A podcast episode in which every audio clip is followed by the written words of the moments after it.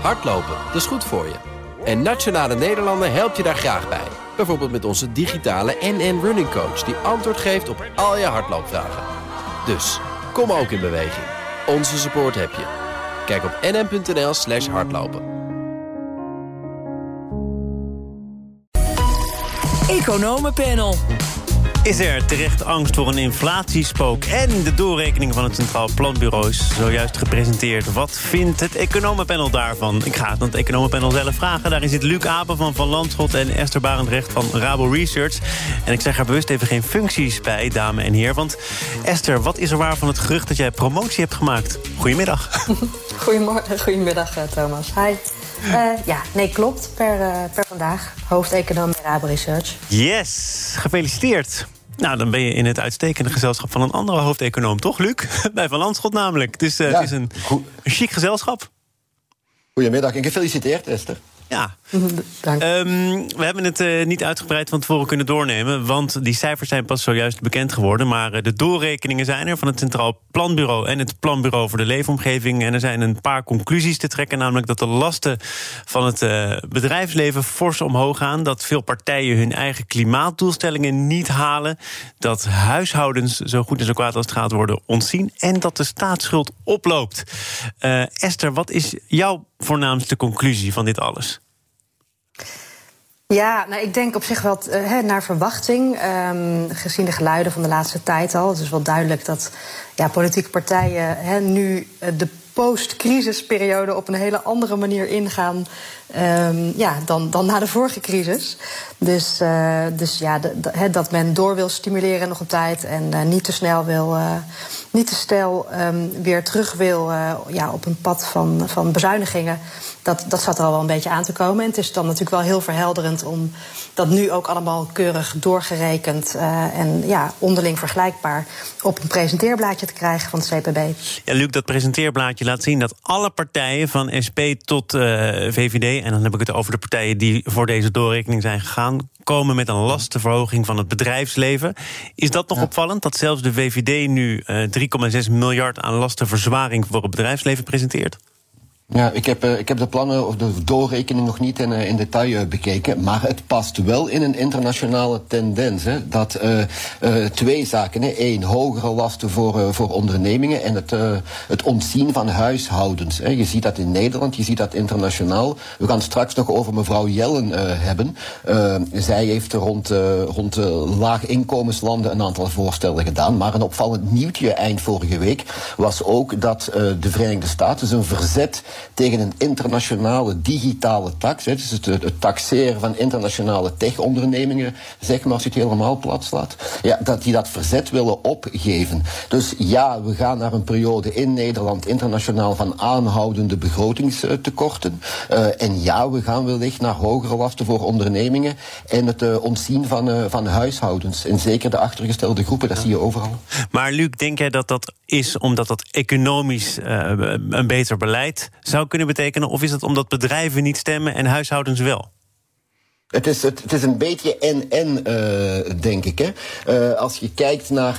Uh, stel je voert een ruim begrotingsbeleid. En je, in, in een van de doelen van je ruim begrotingsbeleid is om de vraag te stimuleren. Hè, de vraag naar een hoger niveau te, te brengen.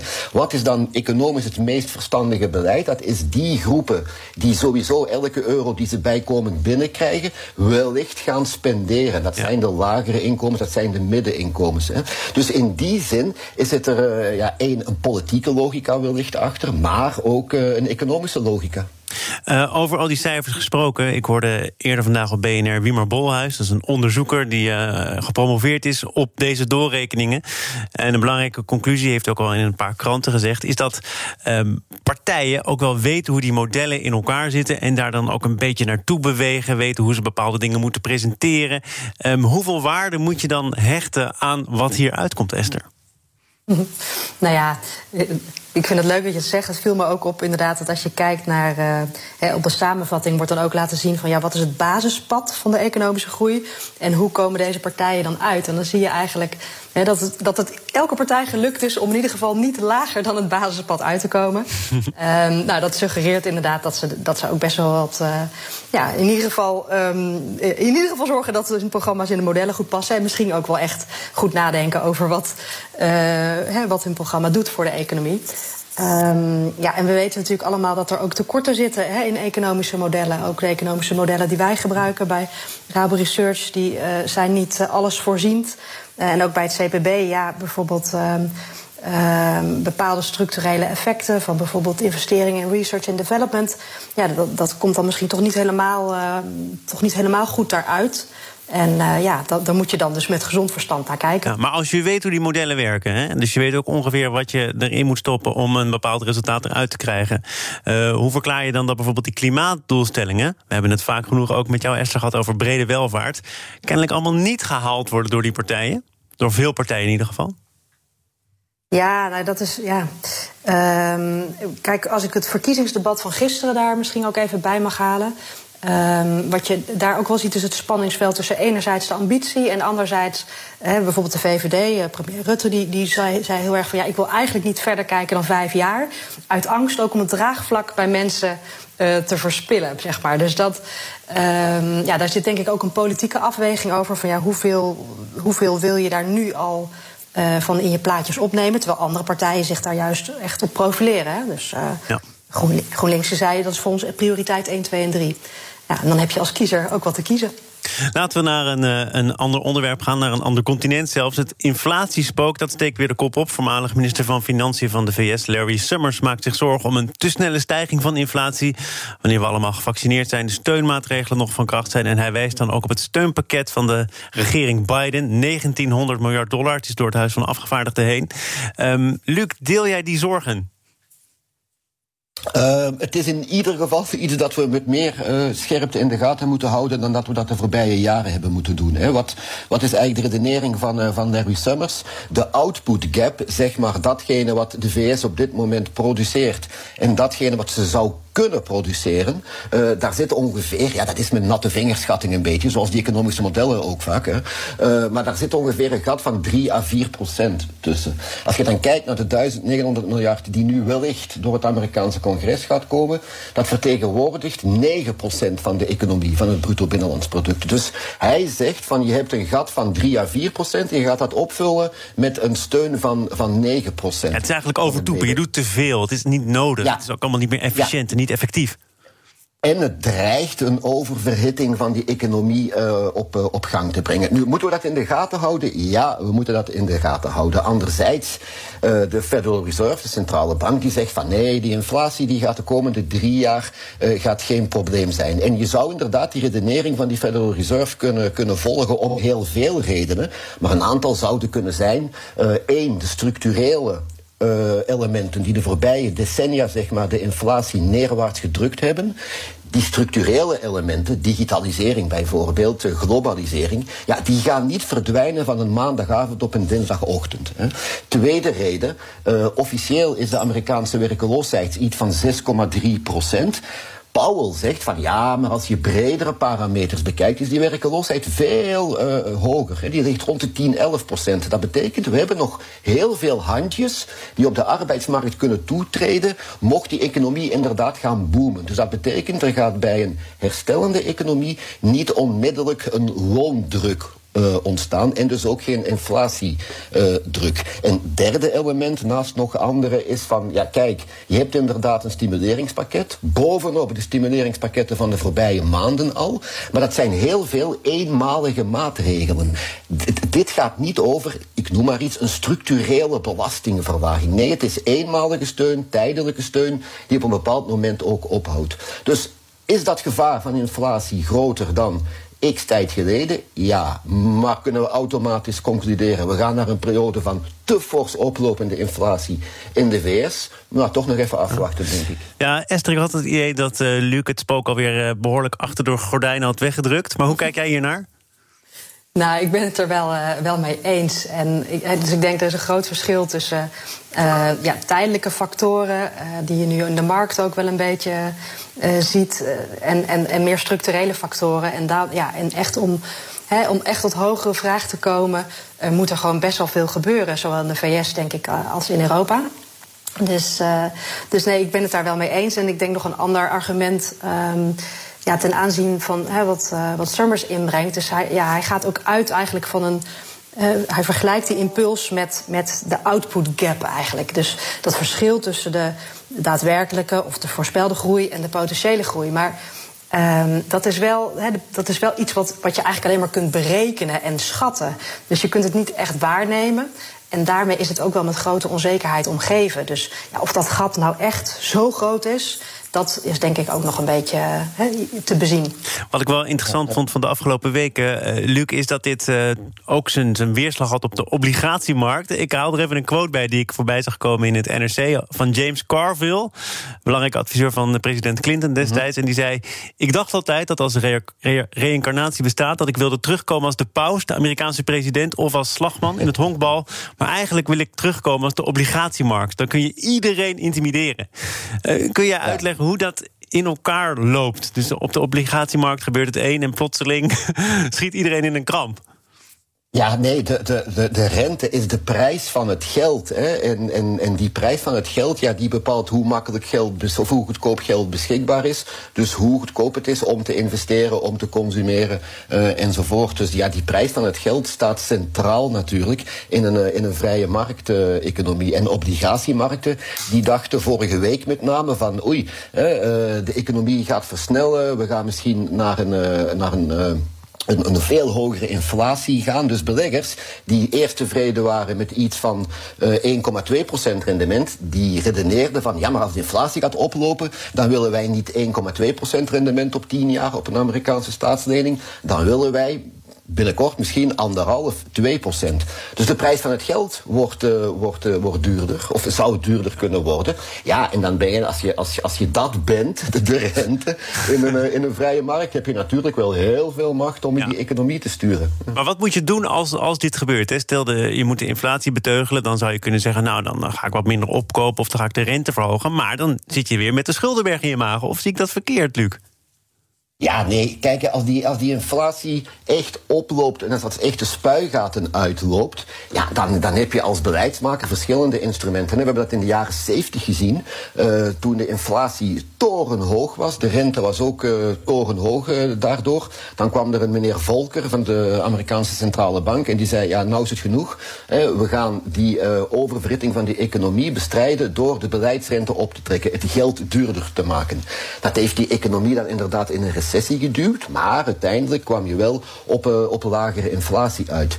Je kan ook vanuit het begrotingsbeleid kan je maatregelen nemen. Hè. Je kan je belasting verhogen om je oververhitting van de economie uh, wat, uh, wat tegen te gaan. Je kan de regelgeving aanscherpen, banken voor banken strenger maken, moeilijker maken om kredieten te gaan toekennen, kredieten te gaan verlenen. Je hebt een heel palet aan, aan mogelijke instrumenten. Hè. Het gevaar natuurlijk is, ik dacht dat het Wim Duisenberg vroeger was, die zei van ja, inflatie, je kan heel hard op die tube nijpen, op die economische tube, en er gebeurt niks. Op een bepaald moment spuit die tandpasta, die, die, spuit uit die tube en die krijg je er nooit meer in. Dus hij redeneerde, ja, je kan zeggen, we hebben een heel palet aan maatregelen beschikbaar, maar als die inflatie echt begint te lopen, is het verdomd moeilijk om die terug in zo'n hok te krijgen zonder een recessie te veroorzaken. We gaan uh, naar een ander hok waar de deur open stond. BNR Nieuwsradio. Thomas van Zeil. En dat doe ik samen met twee hoofdeconomen. Luc Abe van Van Landschot en Esther Barendrecht van Rabo Research. Het gaat over Herstel NL. Er is veel kritiek geweest op het plan. Arjen Lubach onder andere. Maar ook al voor die tijd stapte onder andere onze economen-panelid Bas Jacobs eruit. Daarna volgde Koen Teulings, Barbara Baarsma. De controverse was compleet. Arno Boot, ook een bekende in dit panel, zat daarover aan tafel bij op één en zei het volgende. Ze hadden een verkeerde afslag genomen, letterlijk. Als, als wetenschapper in het debat moet je argumenten aandragen, uh, de discussie voeden met argumenten. Uh, ze waren vastgeraakt in een soort absolute oplossing voor een heel groot maatschappelijk probleem. Wat heel activistisch was. En wat, uh, wat je als wetenschapper ook niet als absolute waarheid op tafel kunt leggen. Dat kan niet, daar waren ze vastgeraakt. En het tweede, en dat is dan ook nadrukkelijk ook een van de redenen dat ik hier zit, is dat er hele grote behoefte is aan economische argumenten, economische inbreng in deze crisis. Ja, die economische inbreng. En daar zijn jullie onder andere verantwoordelijk voor op deze plek, ook op andere plekken. Uh, eventjes in het kort de ontstaansgeschiedenis van Herstel NL. Je zou kunnen zeggen, de wieg stond in het economisch vakblad ESB. Daar is een serie geweest, Rekenen aan corona. Onder andere de Robin Fransman, de voorzitter van Herstel NL. En in de loop van de tijd hebben zich wetenschappers aangesloten. Artsen, psychiaters, maar toch ook zeker economen. Uh, en Arno Boot zegt hier nu, er is een afslag genomen... die eigenlijk niet past bij wetenschappers, niet bij economen. Uh, Esther, om bij jou te beginnen. En ik weet dat je hierover praat met een beetje buikpijn. Um, maar zie jij dit toch ook als een, een afslag die een wetenschapper niet moet nemen?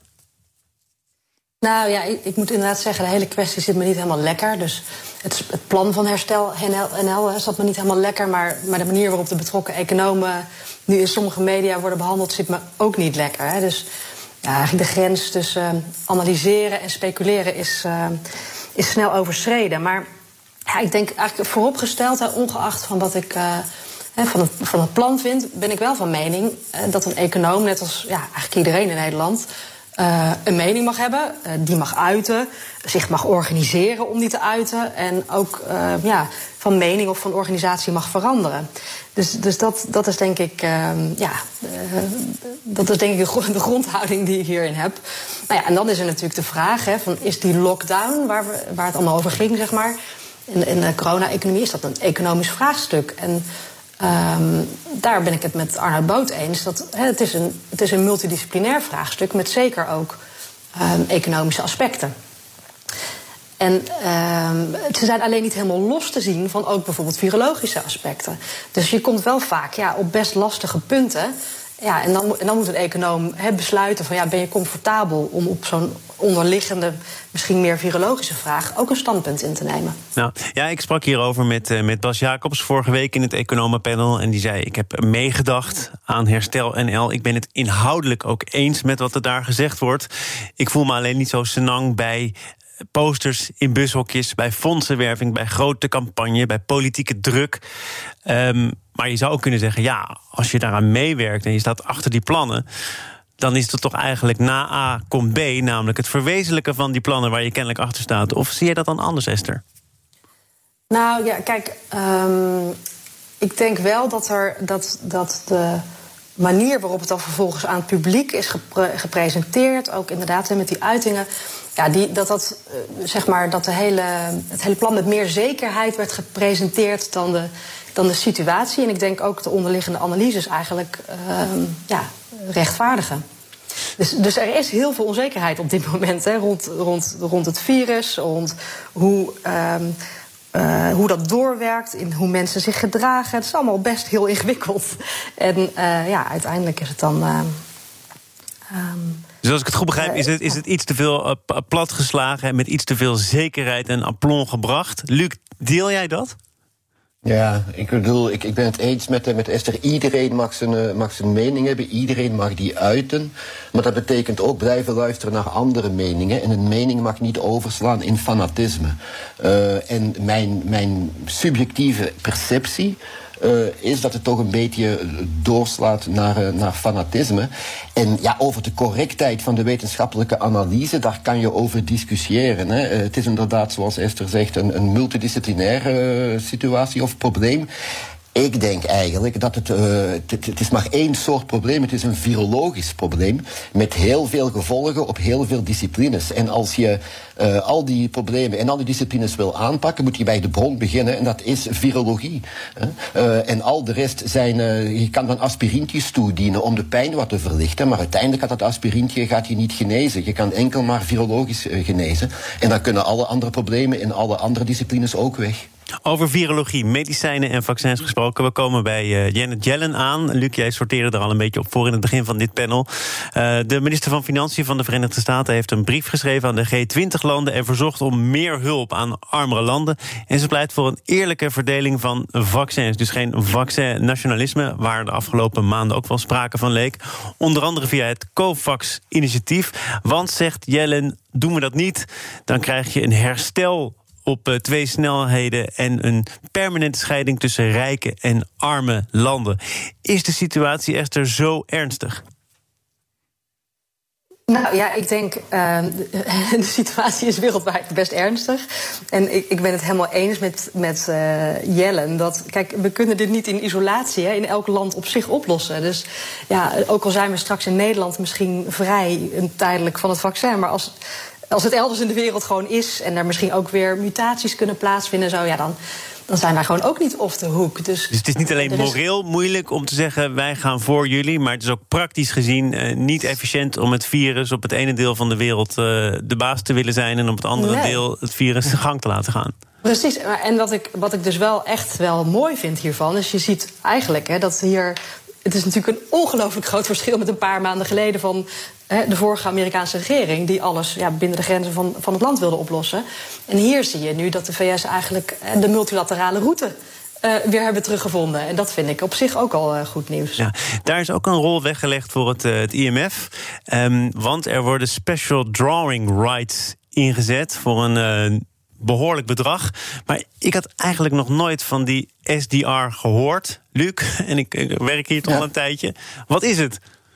Dat is een beetje een, een abstract concept inderdaad. Maar eigenlijk is dat de rekeneenheid waarmee het IMF uh, intern zijn, uh, zijn rekeningen voert. En als je SDR's toekent aan, aan, aan landen, ja, dan zou je dat kunnen vertalen. Ze geven aan die landen een voucher om in de toekomst uh, om te ruilen tegen dollars of tegen andere valuta. Uh, het is eigenlijk een voucher geven, dus steun geven, uh, die ze dan later kunnen inzetten om in hun eigen land te investeren, uit te geven enzovoort. Ja, en het gaat hier om 500 miljard dollar in totaal. En voor een belangrijk deel dus via die.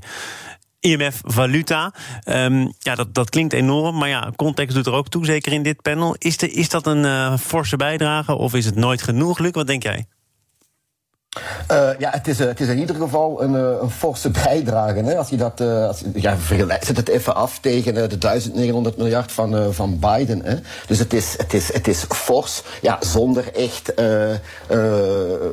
ja, totaal losgeslagen te zijn natuurlijk. Nou, het, het is wel fors, maar volgens mij heeft Biden nu al gezegd... nou, daar moesten we nog maar eens over nadenken. Hè? Dus zijn minister van Financiën stuurt deze brief. We moeten ja. wel zorgen dat we samen uit de crisis komen. Ja. Dan zegt de voorzitter van die G20 de tijdelijke voorzitter Italië. Nou, we hebben er eens over nagedacht. Het moet gaan over 500 miljard dollar. En dan zegt Biden, ho eens even, dat is wel een flinke som geld.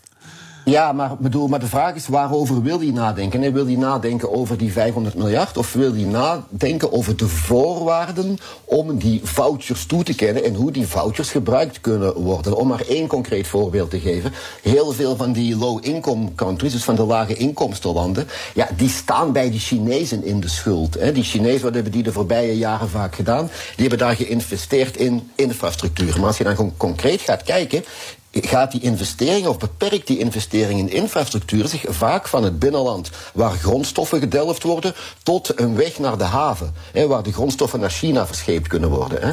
Ik sla het nu even helemaal plat, maar die landen hebben zich daarvoor wel vaak in de schuld gestoken bij China.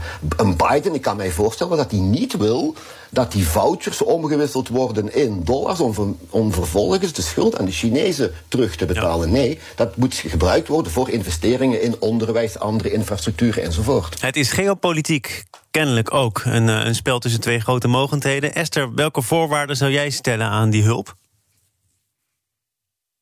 Nou ja, kijk, de kern hè, van, die, van die SDR's is eigenlijk dat het een soort reserve-asset is.